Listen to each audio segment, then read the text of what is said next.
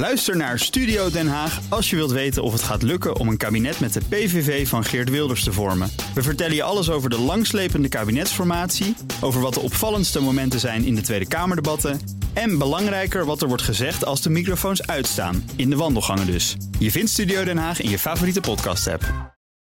De column van Bernard Hammelburg.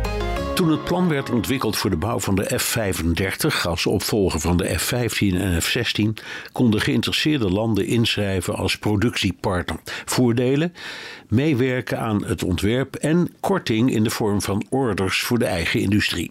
Vandaar de bijnaam Joint Strike Fighter of JSF. Nederland koos voor de optie van het partnerschap. We zijn dus een soort junior partner van het Amerikaanse Lockheed Martin. Het is volkomen logisch dat Nederland prototypes testen en dat Amerikaanse onderdelen van de F-35 op een door de Verenigde Staten gebruikte Nederlandse basis liggen. Daar gaan regering en parlement over. Het gerechtshof vonniste dat Nederland geen onderdelen mag doorsturen naar Israël, omdat de Israëliërs de F-35 in Gaza mogelijkerwijs gebruiken bij schending van het oorlogsrecht.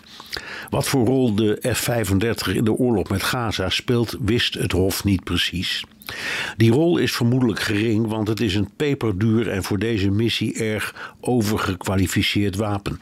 De belangrijkste strategische reden om het toestel in te zetten is dat het verborgen kan blijven voor vijandelijke radar, wat bij de bombardementen in Gaza totaal niet relevant is. De bulk van de Israëlische luchtmacht is de F-15 en F-16.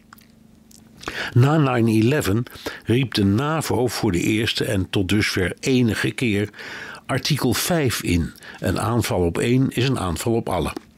Amerika had er niet om gevraagd, het was een spontane reactie van de bondgenoten. De inval in Afghanistan draaide uit op een twintig jaar durende catastrofe waaraan Nederland deelnam en waarbij tienduizenden onschuldige burgerslachtoffers vielen. Geen actiegroep die de krijgsmacht voor de rechter sleepte wegens schending van het oorlogsrecht. Na de pogrom van 7 oktober kwam Joe Biden met een verstandige maar genegeerde waarschuwing aan Bibi Netanyahu. Maak niet de fout die wij hebben gemaakt. Met andere woorden, stuur je leger niet als wraak een oorlog in waarvan je het eind niet kunt voorspellen en die je niet kunt winnen. Veel slachtoffers is gruwelijk, maar geen bewijs van schending van het oorlogsrecht. Daarvoor is een gedegen, zorgvuldig onderzoek nodig. Je zou je kunnen voorstellen dat rechters daarop aandringen. Maar bemoeienis met een beleid dat door de regering is vastgesteld en door het parlement goedgekeurd over materiaal dat bovendien geen eigendom is van Nederland, is politiek bedreven door wat de onafhankelijke rechtbank zou moeten zijn.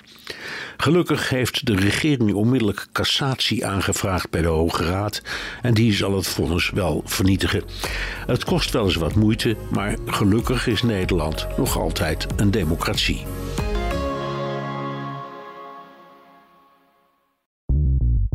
Bij BNR ben je altijd als eerste op de hoogte van het laatste nieuws. Luister dagelijks live via internet. Bas van Werven. En heel langzaam komt de zon op rond dit tijdstip. Je krijgt inzicht in de dag die komt op BNR, het Binnenhof in Nederland en de rest van de wereld. De Ochtendspits. Voor de beste start van je werkdag. Blijf scherp en mis niets.